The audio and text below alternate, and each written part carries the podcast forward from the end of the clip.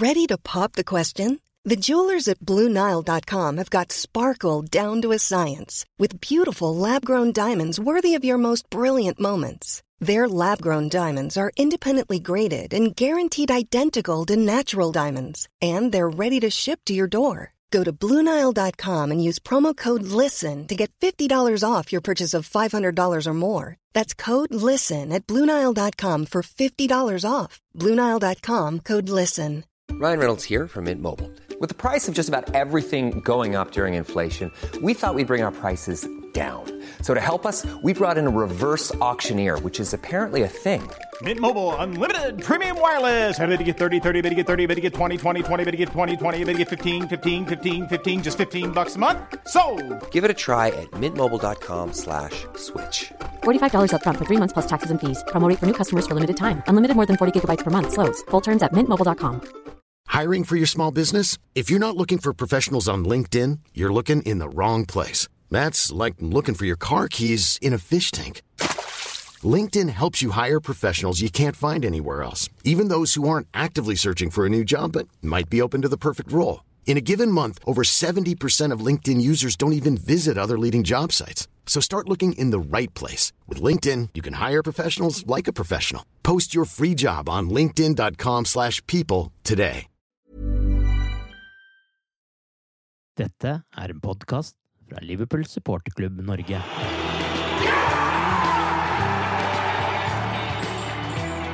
Dette er en The Copite-dokumentar.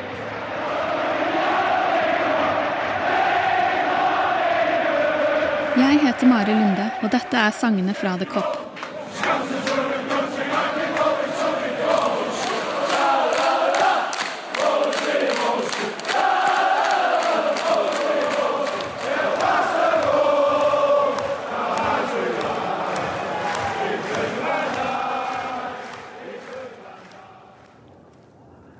Liverpool var en gang i tiden en av verdens mest brukte havner. Byen huset last fra hele verden, og på slutten av 1800-tallet var 40% av verdens handel innom havna på Merseyside. Ni millioner mennesker seilte fra Liverpool til Nord-Amerika, Australia og New Zealand mellom 1830 og 1930 på jakt etter et nytt og bedre liv. Sjømannslivet var hardt. Når sjømennene gikk i land i Liverpool, ville de underholdes. Og Liverpool var klare til å levere.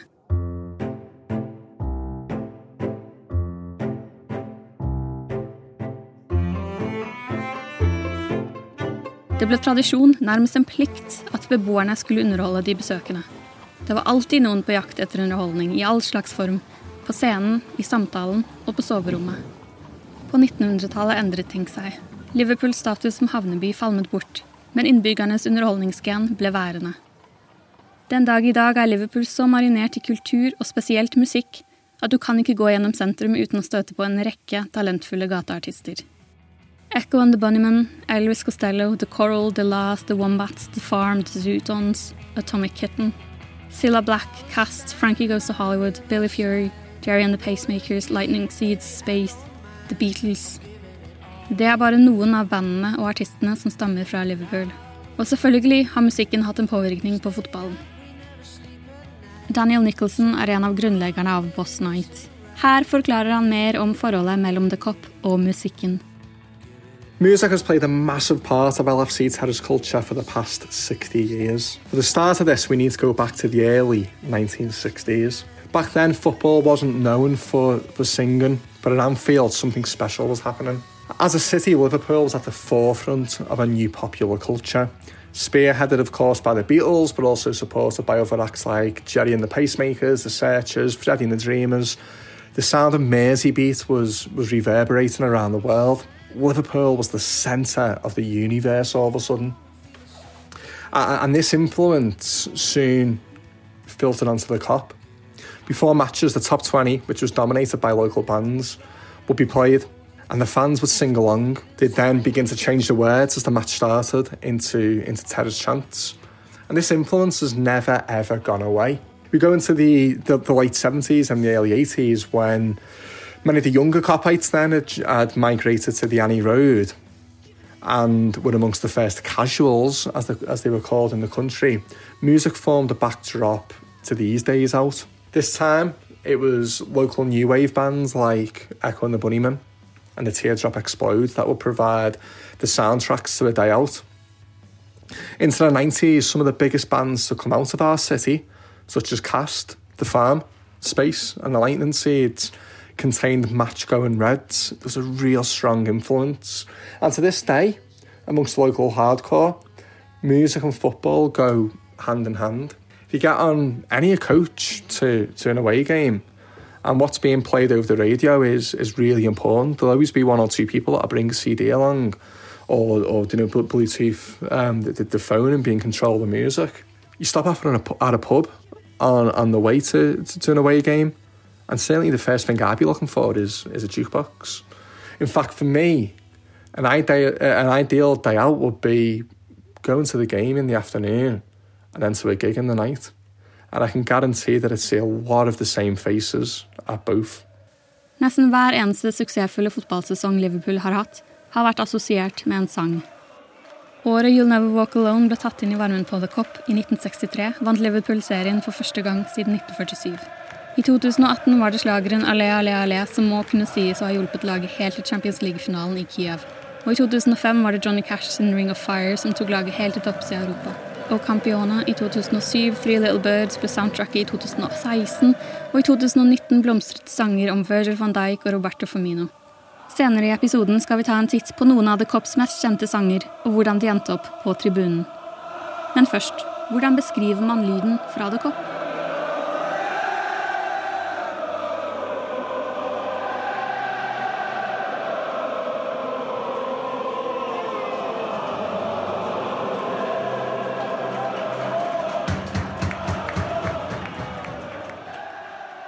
Cop is unique, it's confident. We're there to show our team that we believe in them. It's original, we never copy. If another English, English club has done it first, then chances are we won't be interested. It's funny. It's a bit of a stereotype and a cliche, but it's true. The cop embodies that quick wit of, of Scousers, and that often comes across in the very spontaneous chants that can happen. It's fair, it can and will put down players and opposition fans, but it seldom goes too far or with that real viciousness that other supporters may demonstrate in, in their songs. And it's organic. Supporter culture has got to come from the ground up. If the club, for example, tried to organise a mosaic or give us some flags, we wouldn't have it. And if someone tried to introduce a new song in a very organised way, people would rebel. Atmosfæren på Anfield er verdenskjent, men noen tilreisende bortesupportere mener den er litt oppskrytt. Supportere av lag som Wolves, Leicester og Crystal Palace for eksempel, synger ofte Where's your famous atmosphere når de kommer på besøk til Anfield. Og de har et poeng til tider, for for Liverpools bortskjemte supportere er ofte en kamp klokka tre på en lørdag mot West Bromwich en litt halvhjerta affære. For at Anfield-publikummet skal hevde seg, er man ofte avhengig av at det skjer noe på banen. Kampgående Liverpool-supportere er tradisjonalister. Det dyrkes en organisk atmosfære. Ingen skal stå med ryggen til banen med en ropert og fjernstyre hva som synges på The Cop, som man ofte ser andre steder i Europa, Sør-Amerika og i MLS. Det skal ikke noen trommer inn for å holde rytmen, selv om det kan høres bra ut andre steder. Stemningen dirigeres helst av kampforløpet. Hvis Salah kommer til en kjempesjanse, runger hyllesten av den egyptiske kongen over stadion. Hvis Andy Robertson går på et raid eller rydder opp i en farlig angrep, brøles det «Oh, Andy, Andy!» Og hvis en katt forviller seg inn på banen, kan de kjente attack, attack-ropene erstattes med a cat, a cat. Som mot Tottenham i 2012. Hvis det går 10-20 minutter uten en eneste sjanse, sklitakling, hårreisende dommeravgjørelse eller noen som helst form for temperatur, dabber det fort av på tribunen. Da tidligere Liverpool-manager og trener Joe Fagan ba Tommy Smith om å start a fight Smithy under en meningsløs treningskamp i Benidorm, da Fagan følte både spillere og supportere var slappe og ikke tok kampen seriøst nok, fikk en kompromissløs sklitakling satt sinnet i kok på både banen og tribunen og plutselig ble det fart i sakene. Liverpool vant kampen mot spanjolene, som visstnok jobbet som servitører til vanlig. Det trenger ikke alltid være en takling eller en sjanse som vekker supporterne. Da Luis Suárez spilte i den røde trøya, ble han ofte et offer for sitt dårlige rykte.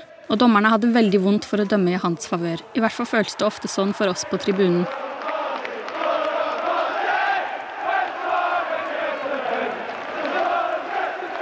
Da han endelig fikk et frispark i kampen mot Reading i 2012, feiret hele stadion som om det var en scoring.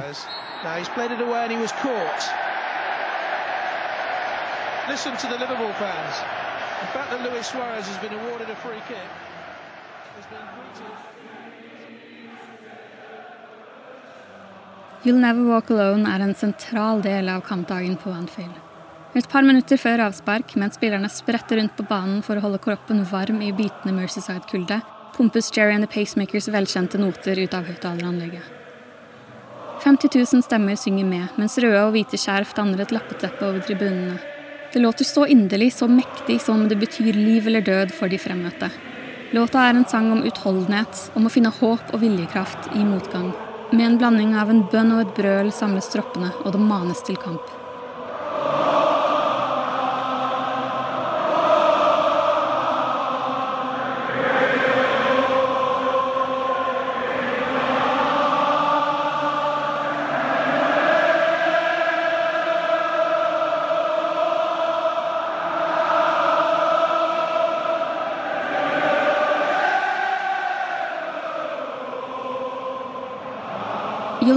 Alone er skrevet av Richard Rogers og Oscar Hammerstein for musikalen Carousel, som ble sluppet i 1945. På denne tiden var det vanlig at flere artister spilte inn sine versjoner av kjente sanger. You'll Never Walk Alone ble bl.a. covret av Frank Sinatra, Roy Orbison og Elvis Presley. Men den mest kjente innspillingen står Liverpool-bandet Jerry and the Pacemakers for. Jerry and the Pacemakers ga ut deres versjon i oktober 1963, men låten ble spilt inn tre måneder tidligere. Ifølge forsvarsspiller Tommy Smith ga Jerry Marston en utgave av sangen til Bill Shankly på en preseason-tur den sommeren, og Shankly elsket det han hørte. Shankly gjestet radioprogrammet Desert Island Discs på BBC i 1965. Der ble han bedt om å velge åtte innspillinger som han ville ha med seg hvis han ble strandet på en øde øy. Han valgte You'll Never Walk Alone som en av sine låter. Liverpool spilte FA-cupfinalen mot Leeds United kort tid etter radioprogrammet, og dette er det første TV-opptaket hvor man kan høre sangen sunget på tribunene. Kommentatoren refererer til sangen som Liverpools signature tune, noe som tyder på at sangen allerede da var en del av Anfields kamprituale.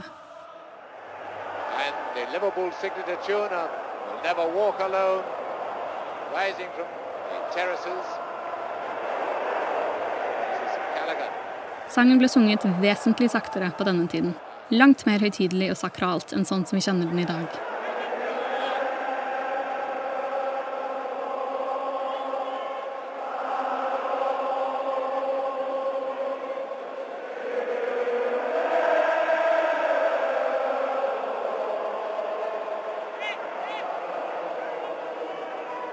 Vi har ikke klart å finne noen opptak av første gang sangen ble spilt på stadion, men den ble definitivt spilt på Anfield 19.10.1963 da den hadde nådd topp ti.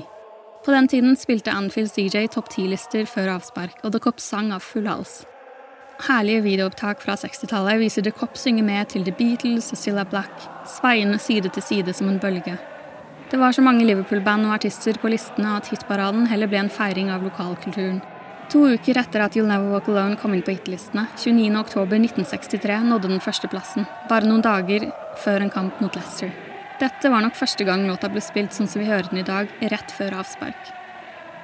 Låta holdt seg på førsteplass i fire uker, og ni uker på topp ti totalt. Men Liverpool-supporterne var ikke klare for å gi slipp på den da den forsvant ut av listene, så de fortsatte. 57 år senere har de heller ikke sluttet. Det er flere fotballklubber som har You'll Never Walk Alone som sin spesielle sang, sin hymne. Og den evinnelige diskusjonen har gått om hvem som egentlig sang den først. Merkelig nok er You'll Never Walk Alone hymnen til Jørgen Klopps to tidligere klubber også, Borussia Dortmund og Mainz.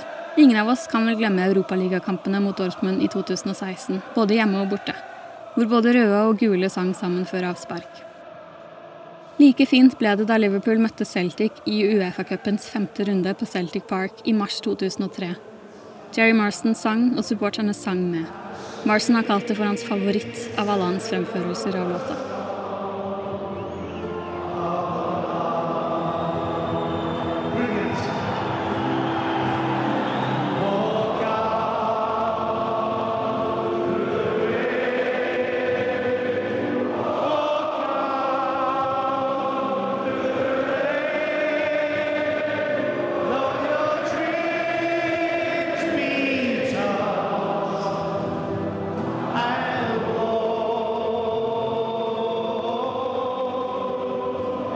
Føre til heftig debatt når man hardnakket påstår at Liverpool startet trenden med å synge sangen før kampstart.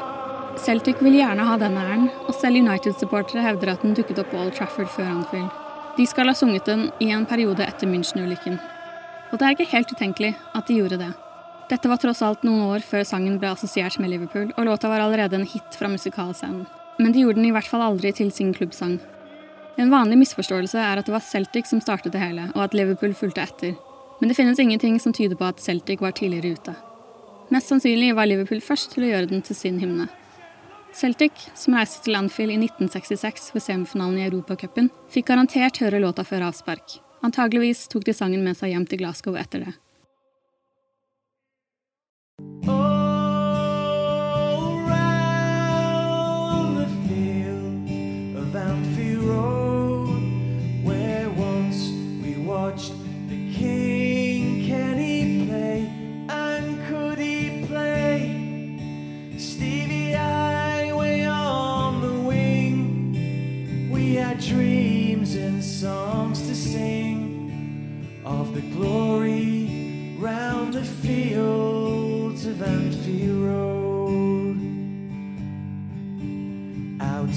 Fields of Anfield Road er en av de mest populære sangene på Anfield, og den klarer gang på gang å dra i gang supportere av alle aldre og av alle nasjonaliteter. Refrenget synges flere ganger i løpet av en kamp. Når den ljomer over stadion, er den en hyllest til klubbens imponerende historie og herrene bak suksessen. Det føles som den alltid har vært en del av repertoaret, men det var faktisk en tid før man sang om The Glory Round the Fields of Anfield Road. Sangen er bare ungdommen i forhold til You'll Never Walk Alone. Drar du innom Flanagans i Matthew Street eller noen av de andre irske pubene i byen for å høre musikk en fotballhelg, så er det ikke Fields of Anfield Road du får høre.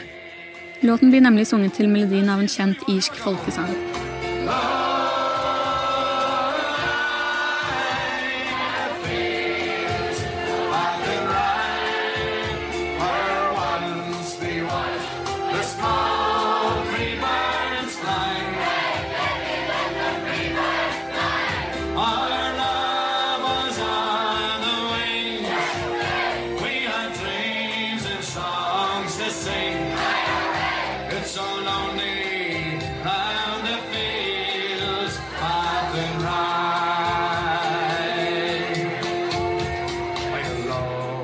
Fields of Athenry, skrevet og komponert av Pete St. John, handler om en ung mann ved navn Michael som havner i trøbbel for å ha stjålet mat til familien sin under hungersnøden i Irland. Han blir røsket bort fra sin kjære Mary og deres felles barn, og plassert på en båt mot en straffekoloni i Australia. Låta ble omfavnet av Irland-supportere under VM i Italia i 1990, og fant så sin vei til tribunene på Celtic Park tidlig på 90-tallet. Ifølge en dokumentar på irske RTE stammer Liverpools omskrivning av sangen til midten av 90-tallet. Irland spilte en kvalifiseringskamp mot Nederland på Anfield før EM i 96. Stadion var naturligvis stappfull av irer, men også en del scousere. Liverpool har tross alt en god del innbyggere med irske aner. Fields of Athenry ble sunget flere ganger av Irlands supportere, og da irene reiste tilbake over Irskesjøen, ble tonene fra Athenry værende igjen på The Cop. De første to versene ble skrevet av Heighton-mann og livslang Liverpool-supporter Gary Ferguson i 1996, som vi supporterklubben pratet med for noen år siden. Han hadde latt seg imponere av Celtic-supportere og lyden akkurat den sangen genererte. Så han satt oppe sent en kveld og skriblet ned noen ord. Samtidig var Ferguson bekymret for den dårlige atmosfæren han opplevde på Anfield, og han ønsket en låt som kunne lage liv på tribunene. Datteren hans printet ut 50 kopier av sangteksten som han tok med seg på en bortekamp, og delte ut til kameratene på minibussen de tok til Sheffield. Første gang den ble sunget, var på bortekampen mot Sheffield Wednesday i januar 1996. De 15 som var om bord på minibussen, var fullt dedikerte til sangen. Før kampen så hadde de også møtt rundt 40 andre Liverpool-supportere i en pub utenfor Sheffield. De var en annen gruppe som fulgte laget overalt. De lærte seg sangen og var med på å prøve å få den i gang. Sangen slo ikke så godt an på tribunen den dagen, men de holdt fast ved den. Helgen etter, under en FA Cup-kamp mot Shrewsbury, prøvde de igjen, til bedre resultater. Og sangen spredte seg kjapt og naturlig. Ferguson kjenner mange Liverpool-supportere, og vennene hans kjenner enda flere. Og teksten ble spredt.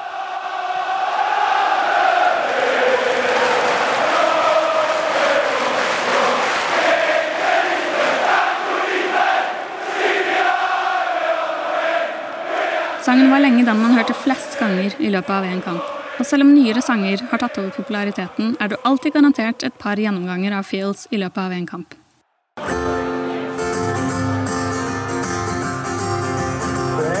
the strategies we have day off, and it's up to the match I go.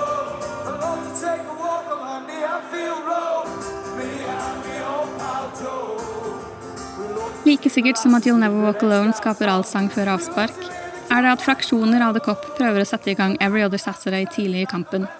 Til litt eh, varierende hell. Tekstunge låter gjør det sjeldent bra på Anfield-tribunene. Resultatet blir langt bedre på bortekamper, hvor en mer samlet kjerne kjenner til de fleste sanger og tekster. We play some exhibitions in the FA Cup. We are the Wembley Wizards too. When we won the Every Other Saturday synges også på Ibrox for Rangers og Windsor Park for den nordirske klubben Linfield FC. Da Jamie Webster spilte inn en versjon for LFC TV som tok av på Twitter, kokte det over for skottene, og diskusjonen om hvem som sang låta først, blusset opp igjen. Men det er ingen tvil om at Rangers var først.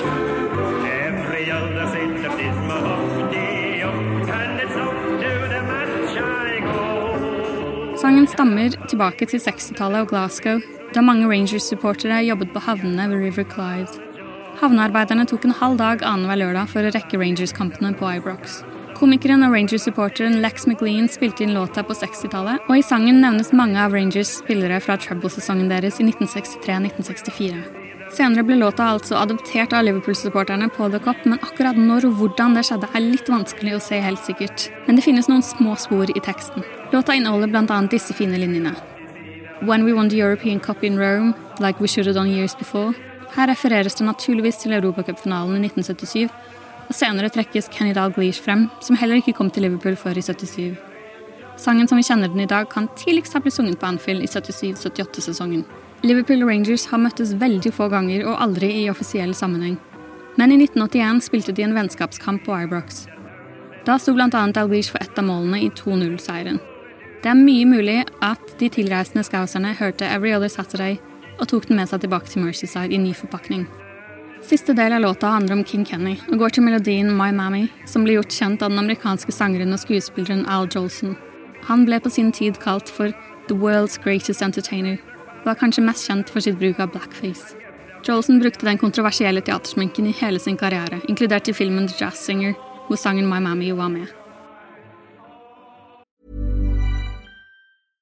How would you like to look five years younger? In a clinical study, people that had volume added with Juvederm Voluma XC in the cheeks perceived themselves as looking five years younger at six months after treatment. Look younger, feel like you. Add volume for lift and contour in the cheeks with Juvederm Voluma XC. Reverse signs of aging by adding volume to smooth laugh lines with Juvederm Volure XC. For important safety information and to find a licensed specialist, visit juvederm.com. That's J U V E D E R M.com. Not for people with severe allergic reactions, allergies to lidocaine, or the proteins used in Juvederm. Common side effects include injection site redness, swelling, pain, tenderness, firmness, lumps, bumps, bruising, discoloration, or itching. There's a risk of unintentional injection into a blood vessel, which can cause vision abnormalities, blindness, stroke, temporary scabs, or scarring. Talk to a licensed specialist to find out if it's right for you.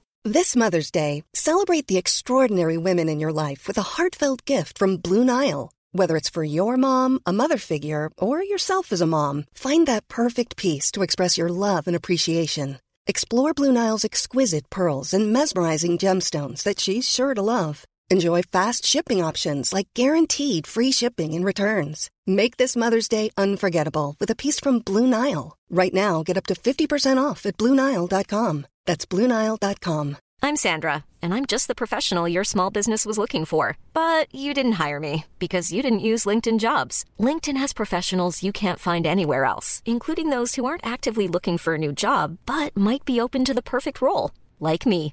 In a given month, over 70% of LinkedIn users don't visit other leading job sites. So if you're not looking on LinkedIn, you'll miss out on great candidates like Sandra. Start hiring professionals like a professional. Post your free job on linkedin.com/people slash people today. Wow. Nice. Yeah. What you're hearing are the sounds of people everywhere putting on Bombas socks, underwear, and t-shirts made from absurdly soft materials that feel like plush clouds. Yeah, that plush. And the best part? For every item you purchase, Bombas donates another to someone facing homelessness. Bombas. Big comfort for everyone. Go to bombas.com slash ACAST and use code ACAST for 20% off your first purchase. That's bombas.com slash ACAST, code ACAST. Millions of people have lost weight with personalized plans from Noom, like Evan, who can't stand salads and still lost 50 pounds. Salads, generally, for most people, are the easy button, right? For me, that wasn't an option. I never really was a salad guy. That's just not who I am. But Noom worked for me. Get your personalized plan today at Noom.com. Real Noom user compensated to provide their story. In four weeks, the typical Noom user can expect to lose one to two pounds per week. Individual results may vary.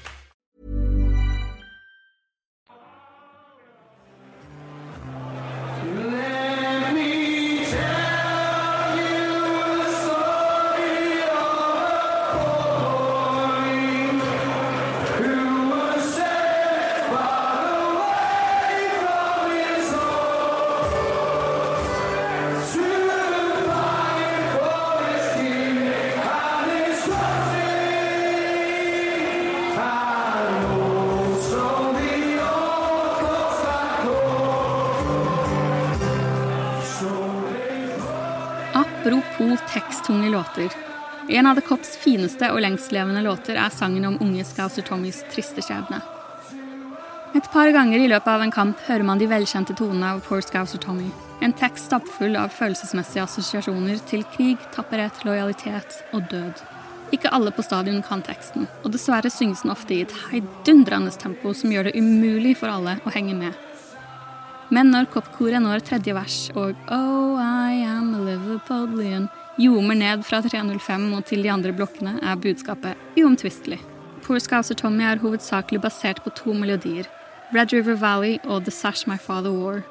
Det er litt kontroversielt, siden The Sash My Father War er en nordirsk lojalistlåt som hedrer king William of Orange sin seier over katolikk King James av England og Irland i 1691. I'm a loyal Ulster orange man, just come across the Låten er populær blant Ulster-lojalister og medlemmer av Oransjeorden, men også i deler av Skottland hvor Rangers-supportere, som er protestanter, var de første som tok den i bruk på tribunene.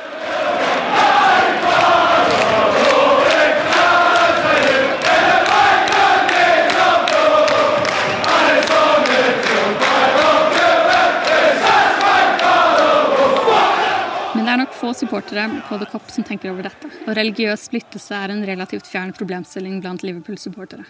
Deler av låta spredte seg for første gang over The Cop på 60-tallet, men har blitt gjort om i senere år. Dessertdelen av låta, som inneholder Oh I Am a Liverpudlian-delen, oppsto på 60-tallet, mens Red River Valley-delen, som er Let Me Tell You a Story of a Poor Boy osv., osv., ble lagt til på 70-tallet. Etter at Everton fikk juling i 1982, hvor Ian Rush sto for fire av nettkjenningene, ble en ertende epilog lagt til i låten. Etterfulgt av All You Need Is Rush til melodien av All You Need Is Love.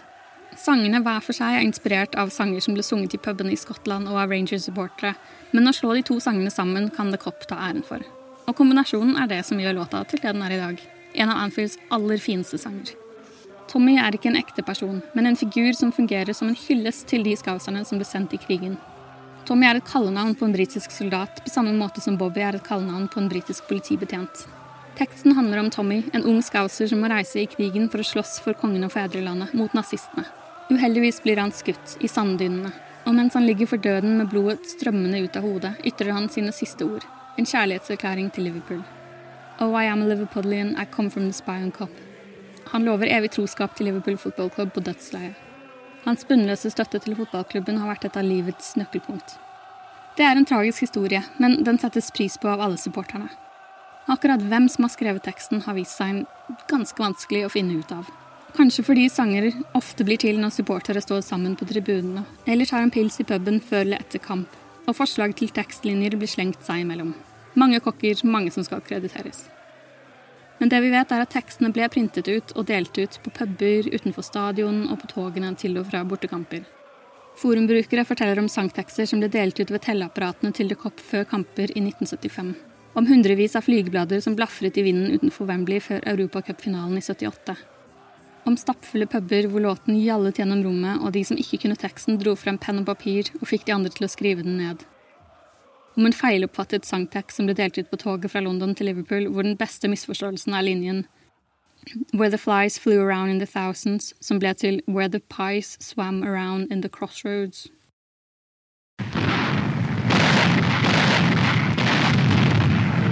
Swift orders pass as the land operations get underway. The men of the Armored Corps are ready, and officers check last minute details. And reinforcing the troops already in the forward positions, an endless stream of lorries flows through gaps in the wire, into the no man's land of the Libyan desert, into battle. Og så hopper vi inn i et vepsebol. Med en så lang og komplisert tekst følger det noen uenigheter, og kontroversen dreier seg rundt andre linje av andre vers. While the battle had started next morning, under the Libyan, Arabian and radiant sun. Libyan sun, Arabian sun og radiant sun. The Cop i dag hører man en fusjon av Libyan og Arabian, med en liten dash av radiant. Det mest vanlige er nok likevel Arabian, men hva er riktig? Det er ørkenkrigen under andre verdenskrig det blir sunget om. Krigen ble kjempet i ørkenen i Libya og Egypt. En kamp mellom den åttende armé, som var de allierte, og det tyske Afrikakorpset, som var nazistene. Og mot de to sidenes felles fiende, det kompromissløse ørkenlandskapet. Var det noen scousere involvert i den hovedsakelig skotske Highland Division som det synges om? Jepp. Liverpool Scottish er en infanteribataljon som under andre verdenskrig ble en del av skotske Cameron Highlanders, som igjen slåss sammen med den åttende armé i Nord-Afrika under ørkenkrigen. Derfor, skal man være helt nøyaktig, er nok Libyen som det riktige. Men Libya er en del av den arabiske verden, og sola er radiant, så alt er egentlig godkjent. Og hvis man vil passe inn med flertallet på The Cop, så er det sikreste kortet å synge Arabian Sun.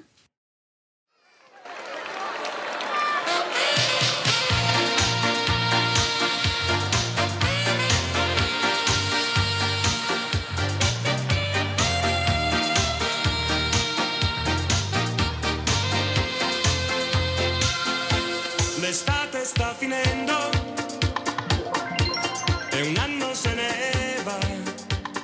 italiensk diskolåt ble soundtracket til Liverpools 2017-2018-sesong.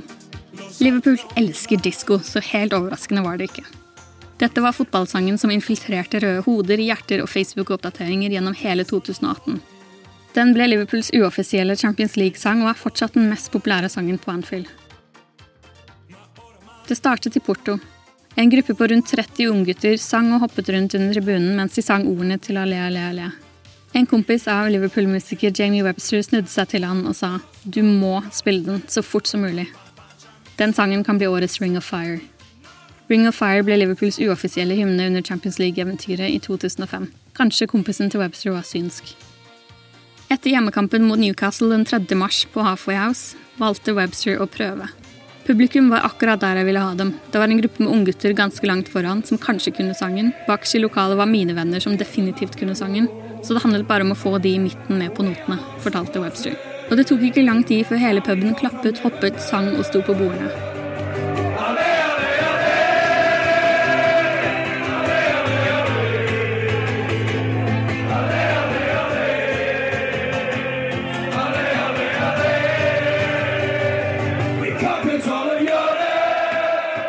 Jeg kom til Ale Ale Ale-delen, begynte jeg å hoppe med gitaren. De foran og bak i lokalet hoppet, og de litt eldre i midten hang seg på. Jeg spilte den i ti minutter sammenhengende. Det var smittende. Til tross for at de fleste antageligvis assosierer sangen med Jamie Webster, er Webster selv nøye med å gi takk til de to unge låtskriverne, Phil Howard og Liam Malone. I LFC TV-dokumentaren Shevchenko Park A Boss Session forteller de to unge guttene om hvordan de kom opp med sangen. De satt på YouTube og så på tribunesanger da en portosang dukket opp som neste forslag. Phil Hour tenkte at Liverpool måtte lage sin versjon av sangen fort som fy, før noen andre engelske klubber tok den. Sammen med Malone skrev de en tekst om Liverpools historie og med verselinjer fra andre Liverpool-sanger. Med en plattform som Boss Nights og ikke minst Halfway House hadde Webster et godt utgangspunkt for å få spredd låten. Han hadde som mål at sangen skulle hjelpe laget, og at den skulle være en Liverpool-sang innen neste Champions League-kamp.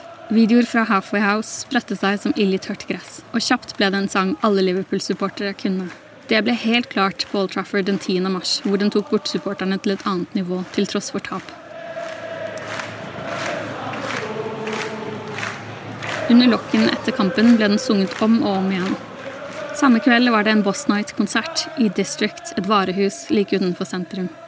At det ble tap mot erkerivalen var det absolutt ingen som brydde seg om i det røykelagte rommet. Ligaen var ikke så viktig lenger. Det var fullt fokus på Champions League.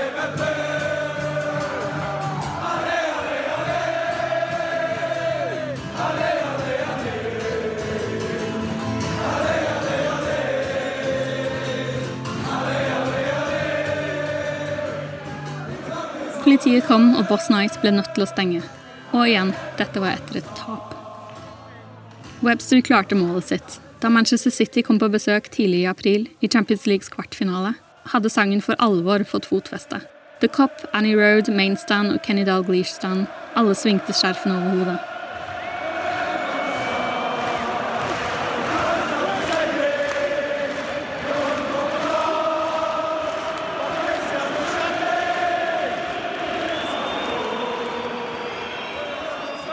Noen dager før finalen i Kiev ble sangen gitt ut som en singel med alle til inntekter til den lokale veldedige organisasjonen An Hour for Others. Sangen endte opp på topp 40. Den var faktisk innom femteplassen dagen den ble gitt ut. Den lå over Drake, noe jeg synes smakte veldig godt da jeg hater den musikken der, fortalte Webster til oss. Hadde resultatet blitt annerledes den kvelden i Kiev, hadde han antageligvis klatret til førsteplassen. Napoli var de første som tok sangen til tribunene. Deres versjon heter Ungiono al improviso, som jeg sikkert uttalte helt feil, men som kan oversettes til En dag plutselig.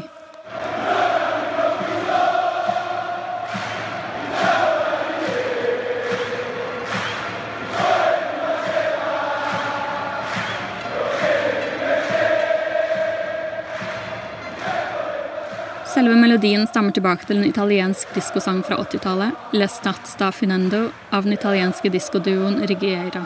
Og det igjen uttalte jeg nok helt feil. Men etter at Liverpool tok sangen til England, har flere og flere lag laget sine versjoner. Blant andre Manchester City. Manchester City sin versjon handlet utelukkende om Liverpool, og de sluttet å synge den så fort Liverpool vant finalen i Madrid i 2019.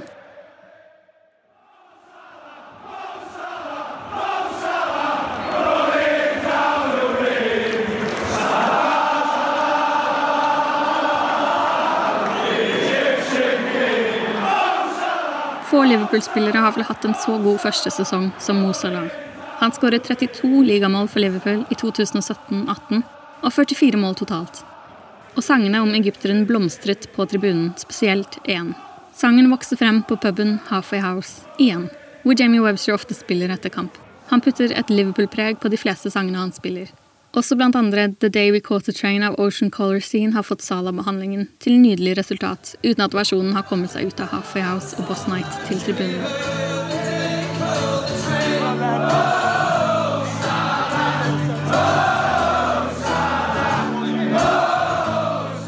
Men tilbake til Egyptian King. I midten av januar 2018 la en Twitter-bruker ut en video fra Halfway House som gikk viralt, med 6000 delinger, 13 000 likes og 600 000 views.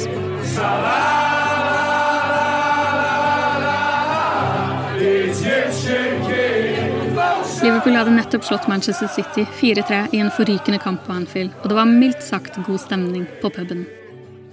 I neste kamp møtte Liverpool Swansea i Wales, og dette var første gang man så vidt kunne høre sangen på tribunene. Hadde kampen endt i Liverpool-seier eller bydd på en Salah-skåring, kunne det nok blitt høylytt, men det uteble. Det var først en midtukekveld i Huddersfield den 30. januar 2018 at sangen tok over hele den store borteseksjonen.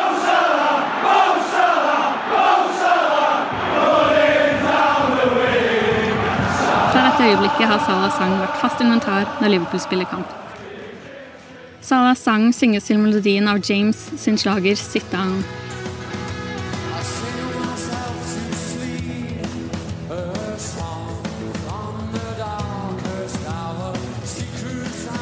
Når sangen synges på Anfield, kan det ofte høres ut som at de syngende ikke kjenner helt til originallåta. Men fotballsupportere er ikke kjent for å være i besittelse av absolutt gehør. Og da kan det bli vanskelig uten James eller Websters ledende gitarpludring. James er ironisk nok et Manchester-band som oppsto på 80-tallet, men som virkelig fikk fart på sakene som en del av Manchester-bølgen på tidlig 90-tall. De er også kjent for låter som She's a Star, Blades og naturligvis Sit Down. Sit Down ble spilt inn på slutten av 80-tallet, før en ny og mer radiovennlig versjon ble sluppet i 1991. Da de spilte inn den første utgaven av låta, fikk de samtidig inn nyheter om tragedien på Hillsborough, hvor 96 Liverpool-supportere mistet livet. Nyheten gikk sterkt inn på dem, og den første versjonen er en sensitiv og sårbar versjon. Neste innspilling et par år senere ble mer hardtslående, og står i kontrast til sangtekstens sårbarhet. Låta ble en suksess, men den nådde aldri førsteplassen på singellisten i Storbritannia, og måtte ta til takke med tre uker på andreplass. I 2013 ble låta stemt frem til en fjerdeplass over de beste sangene som aldri nådde nummer én. Tim Booth er bandets eksentriske vokalist. Han og resten av bandet har innrømmet å være veldig beskyttende overfor Sit Down, og har tidligere stanset blant andre reklamer i å bruke sangen som betyr så mye for fansen. Men en av verdens beste fotballspillere skal få få den, sa Booth til liverpoolfc.com før Champions League-finalen i Kiev. I det samme intervjuet minnes Booth en konsert i Royal Court i Liverpool kort tid før Sit Down ble utgitt. Midt under fremførelsen av låta røyk plutselig gitaristen en streng. Mens gitaristen fikset en ny gitar og musikken bremset ned i volum og tempo, tok publikum over syngingen. Det ble høyere og høyere, og vi sluttet å spille og ble stående og lytte. Det varte i omtrent fire minutter. Det var første gang James hadde opplevd allsang på den måten. At det skjedde til Sit Down i Liverpool, er ganske spesielt med tanke på hvilken status låta har her den dag i dag.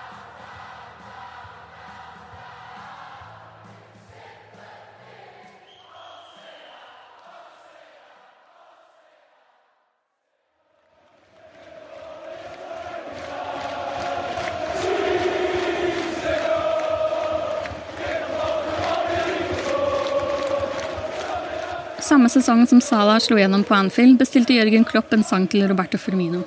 Og The Cop lyttet. Låta dukket først opp blant The Travelling Cop i Paris i november 2018 i forbindelse med Boss Night-eventet før PSG-kampen i gruppespillet i Champions League.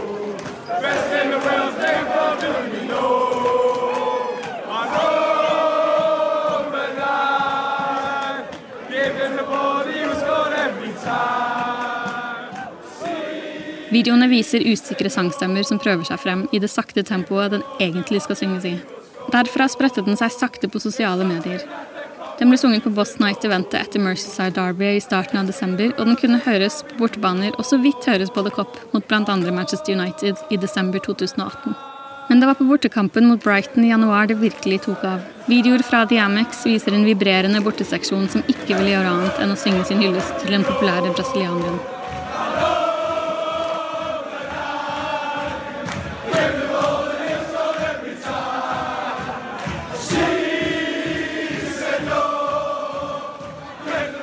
Da det gjort. Det er mulig deler av teksten plager brasilianerne litt. Si signor er tross alt spansk, og i Brasil prater de portugisisk.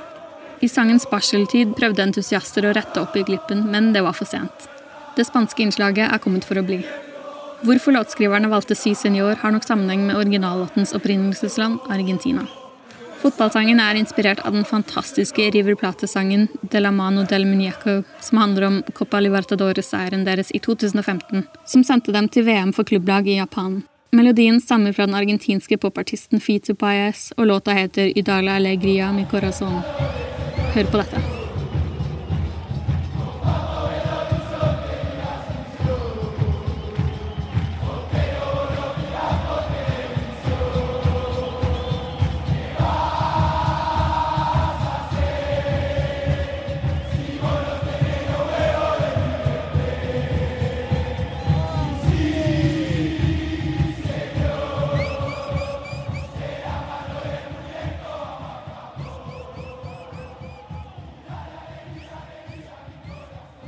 I dag blir sangene som synges på The Cop, ofte kjente via Jamie Websters gitar og hans fremførelser på det tidligere veldig undergrunnseventet Boss Nights, som nå de fleste kjenner til. Boss Night came out of a fanzine that we used to do called Boss Mag. Boss Mag was a traditional black and white fanzine. It was a pound. It was sold at the match. It covered home and away games, sort of the culture around going to and from games and, and everything that happened around it, not so much on the pitch stuff. It covered music, it covered the city of, of Liverpool. And because we were so ingrained in that sort of going out culture as such uh, and music, it just made sense that we put on a gig as well. We had loads of mates in bands, we were writing about those bands. Um, and we, we put on our first night after a home match, um, which um, loads of people came to. It was, it was rammed, and everyone had a good time and, and said, Why don't you do more? So we started doing that in around 2012. We were hosting gig nights essentially, putting bands on um, to begin with, although it was tied to the fanzine. It wasn't so much a Liverpool FC thing. Um, it was more gigs on a Friday night, Saturday night of, of bands we liked essentially. in around 2013, 2014, um, we had a load of Sunday games in the UEFA Cup um, as a result of being in the UEFA Cup, rather. And we thought we'd come up with something called the Boss Sunday session. We thought we'd come up with a, with a sort of afternoon gig type thing after after a match on a Sunday. Um, you could come into town. It was free entry into into a bar where we put on some musicians and we could all have a drink and listen to good music. That evolved very quickly and snowballed um, with people um, like um, Mark Frith, uh, Tom Niblock, um, Ian Prowse. Then a very young Jamie Webster came on the scene, um, and um, things really, really took off. Um, the nights became really popular. We, we moved around different places in town. The Sundays were soon dropped, and we started doing them um, after selected home games um, at any time. And loads of fun was had by by everyone. Things got so big in the end that we we pretty much ran out of places we could use in town, and we ended up going on the outskirts of the city centre to the Baltic Triangle, to a warehouse, a place called District. Um, whereas maybe other places in town didn't quite get what we were trying to do. District was um, was and still is headed by Jane Casey. Um, Jane is really famous for being involved in the new wave scene in the late 70s, early 80s in, in Liverpool. Um, she, she was one of the original punks.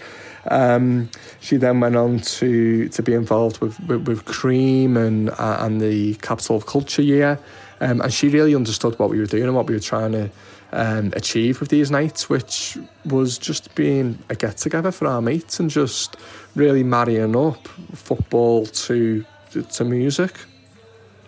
So for many years, um, we had our home in district. These nights that we did um, didn't happen after every game. There was maybe four or five of them a season. It was free to get in, and essentially, it was just a good place for people to come and, and gather and have a laugh with with the mates, and, and as I say, listen to to really really good music. Um, of course, with it being so so much linked to to the match and football, of course, songs would would start. So you'd see, um, I don't know, Jamie Webster playing um, James sit down a cover, and all of a sudden the crowd would start singing Mo Salah, Mo Salah, and then the next week that would appear on the cop, and that's happened to to, to, to a fair few songs. Um, it's nothing actually to do with, with with Boss as such, the way this has come about.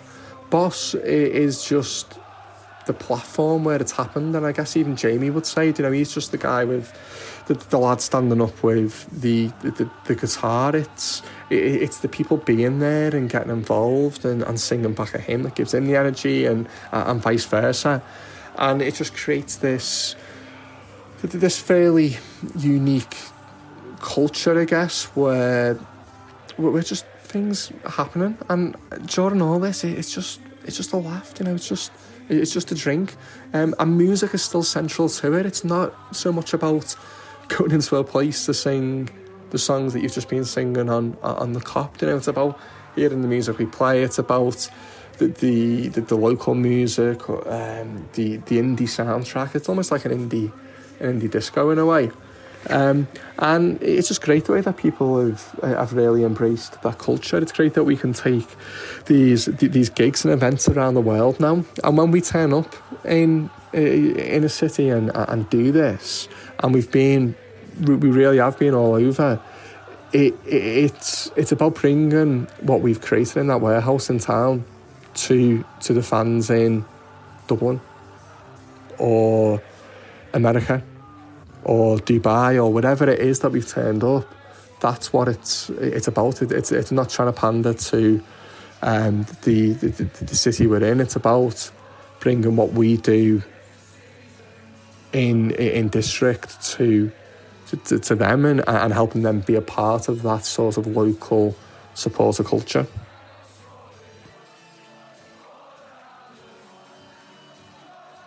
I'm not sure any other set of fans as as a culture that is so entwined with music as as we do. I'm not saying that other fans don't pair up music and football. They they of course do. Every team sings, And you only need to go to a gig in the UK and, and look around at what people are wearing and seeing sort of gangs of lads congregated together. And you know the match goers. You know, I think back to the the Stone Roses reunion gigs a few years back, and they were full of pockets of football lads from teams across the country. Then you go to a Cortinas gig or a Jerry Cinnamon gig or something, and it's exactly the same. And I reckon, sort of on the terraces, um, Man United's hardcore is probably the closest to us. You see it in, in their matchday culture, in in the songs they sing uh, and what's on their flags. You know, it's very, very influenced by the the Manchester music scene. But I don't think there's anyone that's quite at the sort of level that we've been at over the years in terms of the relationship between football and music. In terms of what we do at Boss, and I don't think anyone else has has done it or even tried. I think a lot of fans, other fans, sneer at it. But it's important to realise that there wasn't some light bulb moment one day where me or anybody else said, I'll tell you what, let's do some LFC gigs and all sing football songs. Know, that didn't happen. It didn't happen like that. This happened over a number of years. If none of that would have happened, for example, say, uh, and say in Shevchenko Park in 2018 in, in Kiev, someone rolled out a young lad and went, There he is, Jamie Webster, here you go.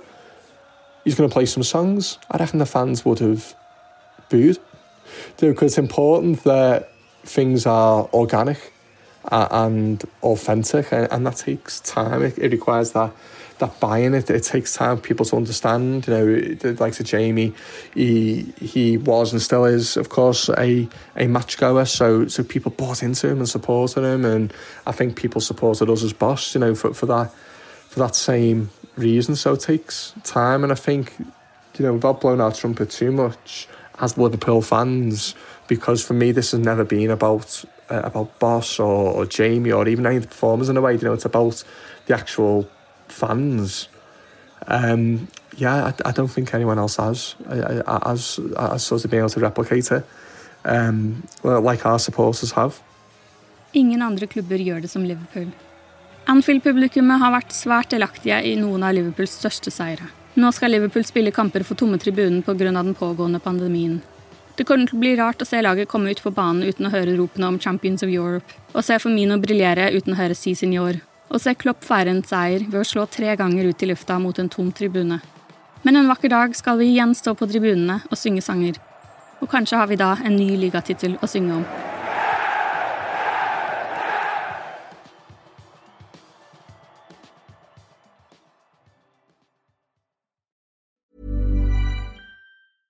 Want flexibility? Take yoga. Want flexibility with your health insurance? Check out United Healthcare Insurance Plans. Underwritten by Golden Rule Insurance Company, they offer flexible, budget friendly medical, dental, and vision coverage that may be right for you. More at uh1.com. Planning for your next trip? Elevate your travel style with Quince. Quince has all the jet setting essentials you'll want for your next getaway, like European linen, premium luggage options, buttery soft Italian leather bags, and so much more and it's all priced at 50 to 80% less than similar brands. Plus, Quince only works with factories that use safe and ethical manufacturing practices. Pack your bags with high-quality essentials you'll be wearing for vacations to come with Quince. Go to quince.com slash trip for free shipping and 365-day returns.